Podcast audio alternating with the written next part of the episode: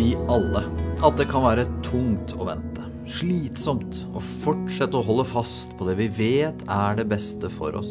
Så gratulerer med å se på gudstjeneste nå. Og særlig du som har holdt oppe denne vanen gjennom hele pandemien.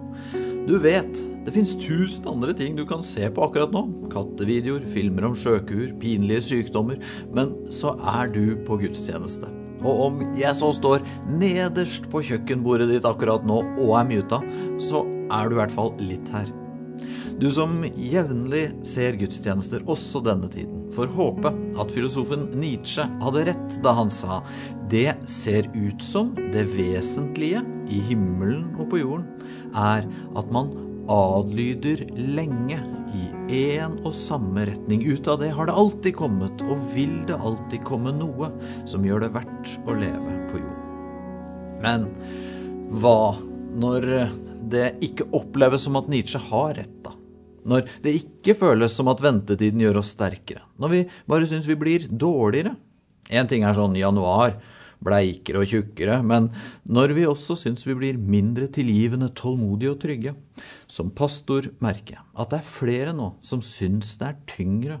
Jeg merker det på tenåringene hjemme. Datteren min sa Pappa, du har kjæreste, du. Det neste for deg er uansett bare at du skal dø. Men jeg har så mye igjen i livet. Jeg har tenkt til i dag.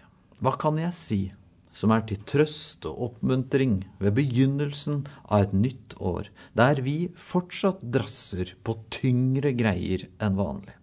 Og da har jeg tenkt på det lille vannet nord for tempelplassen i Jerusalem på Jesu tid. Og nå må ikke du tenke på et sånn idyllisk stille vann i marka en sommerdag. Nei, dette var et urbant basseng i byen som ingen egentlig ville havne i nærheten av. Litt fordi det hadde et tvilsomt rykte. Det var både helligdom for den greske helbredelsesguden Asklepios og noen jøder trodde en engel fra Gud av og til besøkte vannet, men grunnen til at du ikke ville havne der, det var at det å ligge ved det vannet sannsynligvis betydde at det var ute med deg. Dette stedet var siste utvei for de syke som ikke ble friske. Johannes skriver ved saueporten i Jerusalem ligger en dam som på hebraisk heter Betesta. Den er omgitt av fem bueganger. En liten faktaopplysning her er at forskere lenge brukte akkurat dette verset til å trekke hele Johannes-evangeliet i tvil, fordi man ikke trodde dette vannet faktisk hadde eksistert. Men i 1888 fant arkeologene vannet, inkludert de fem buegangene. Det står videre. Der lå en mengde mennesker som var syke, blinde, lamme og uføre. De ventet på at vannet skulle komme i bevegelse, for en engel fra Herren steg fra tid til annen ned i dammen og rørte opp vannet. Den første som steg ned i dammen etter at vannet var blitt rørt opp, ble frisk, uansett hvilken sykdom han hadde. Når vannet boblet, kunne man bli frisk sa ryktet i hvert fall.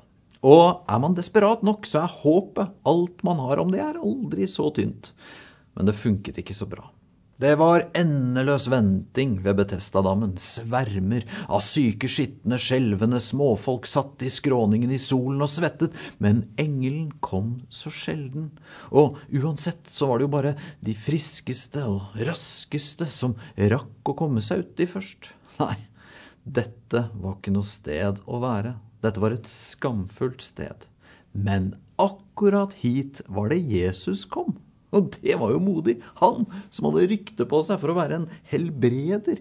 Her var det nok å ta tak i for han. Det står det var en mann der som hadde vært syk i 38 år. Jesus, ikke gå bort til han. Tenk hvor ødelagt og bitter han er. Tenk hvor lite tro og håp han har igjen. Jesus, finn heller en annen som akkurat har kommet, som har litt sånn diffuse symptomer. Men eh, det står Jesus så han ligge der og visste at han hadde vært syk lenge, og sa til han, Vil du bli frisk?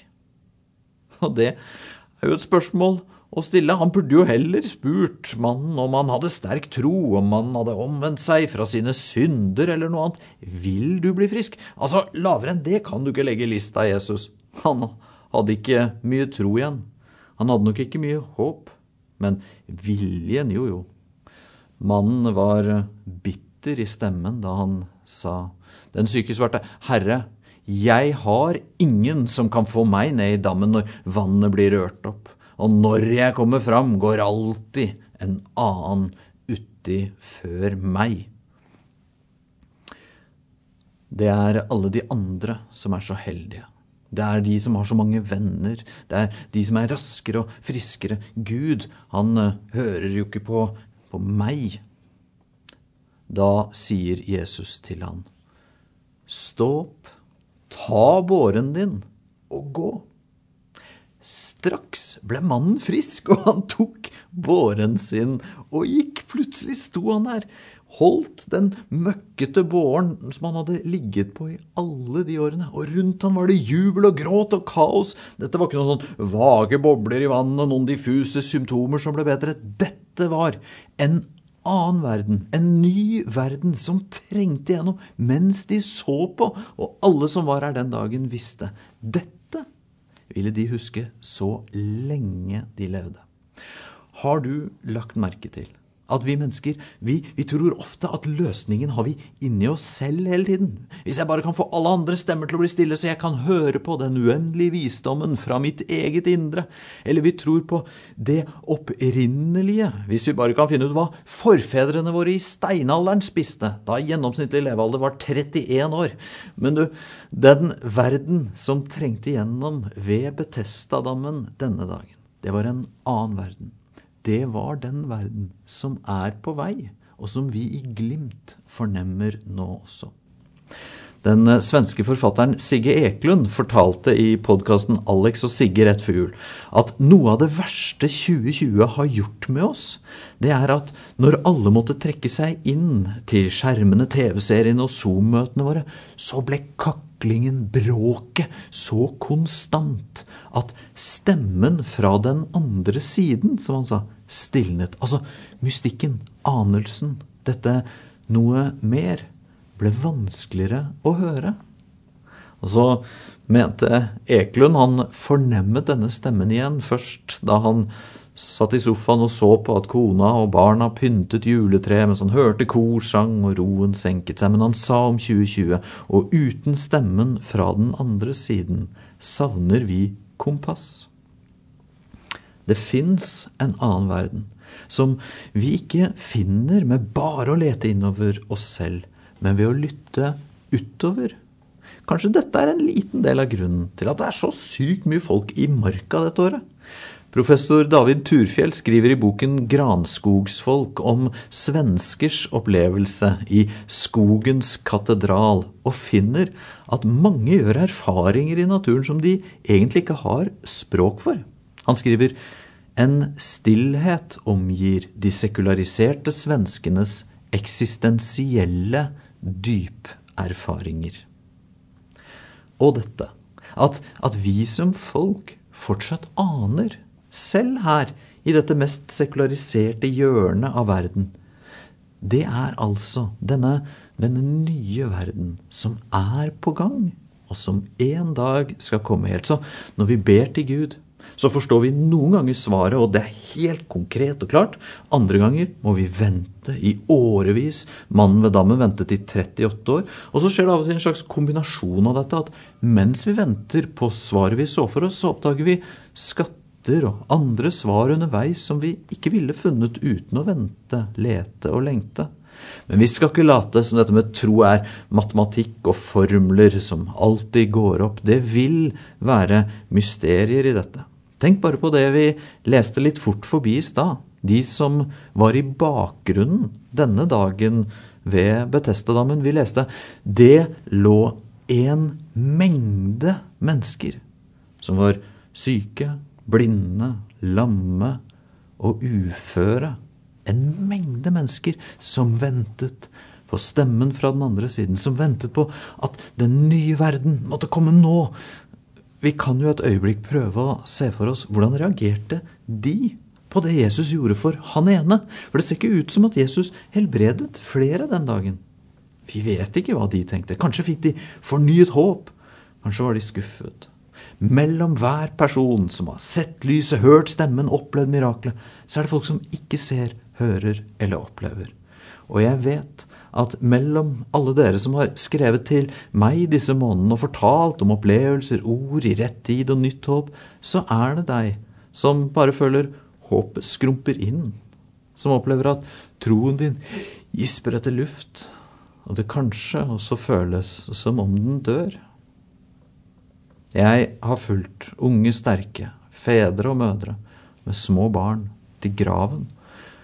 En sånn dag for noen år siden så satt jeg hjemme i sofaen og gråt.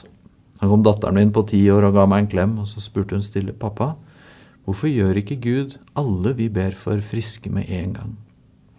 Jeg kremtet og svarte med tjukk hals at Gud ikke har lovet oss å aldri bli syke, at alle kommer til å bli friske én dag, men at vi av og til må vente kjempelenge, kanskje helt i himmelen, før vi får se det. Men da blir jo neste spørsmål hvorfor det? Hva skal vi med disse miraklene, med denne stemmen fra den andre siden, med denne nye verden som er på vei, hvis ikke vi kan stole på det, hvis ikke vi kan regne med det, hvis ikke vi kan få det til å passe inn i, i skjemaet vårt og sånn vi forstår verden? Jesu ord er jo bevart for alltid. Men mirakelet hans kan i forhold virke litt kortsiktig. Den lamme mannen som han helbredet ved Betestadammen, han døde jo igjen senere en gang. Det er fort å tenke at når Jesus gjør mirakler, så setter han naturlover til side og sier simsalabim. Men egentlig, egentlig er det helt motsatt. For det som skjer, er at for et øyeblikk så fikser Jesus naturen, lar den funke sånn som den egentlig var ment å være. Sånn ville Gud det. For Gud ville jo ikke fravær, sykdom og død. Så når Jesus gjør mirakler, enten ved Betestadammen den gangen eller i vår tid, så er ikke dette sånn sirkusnummer eller show-off med overnaturlig kraft. Nei, det er fantastiske smakebiter på hva som er på gang.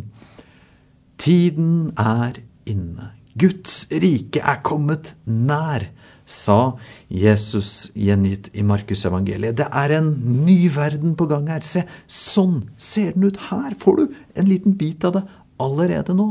Men det er mer der det kommer fra. Så, Jesus, hva med oss som syns at koronatiden har blitt for lang? At smakebitene kommer for sjeldent. Vi som har ligget så lenge ved Betesta, at vi, vi frykter vi dør, fysisk eller inni oss. Etter å ha helbredet mannen med båren, var det som om Jesus så gjennom historien og helt fram til deg og meg. Og så sa han, sannelig, sannelig, jeg sier dere, den time kommer, ja, den er nå da de døde skal høre Guds sønns røst, og de som hører, skal leve. Vi er ikke lovet å leve uten kamp, krangling, kreft eller korona, men stemmen fra den andre siden, Guds sønns stemme, den er der. Noen ganger trenger den helt igjennom, ikke for at vi skal leve uten smerte, tvil eller sykdom, men for at hjertene våre ikke skal gi opp håpet.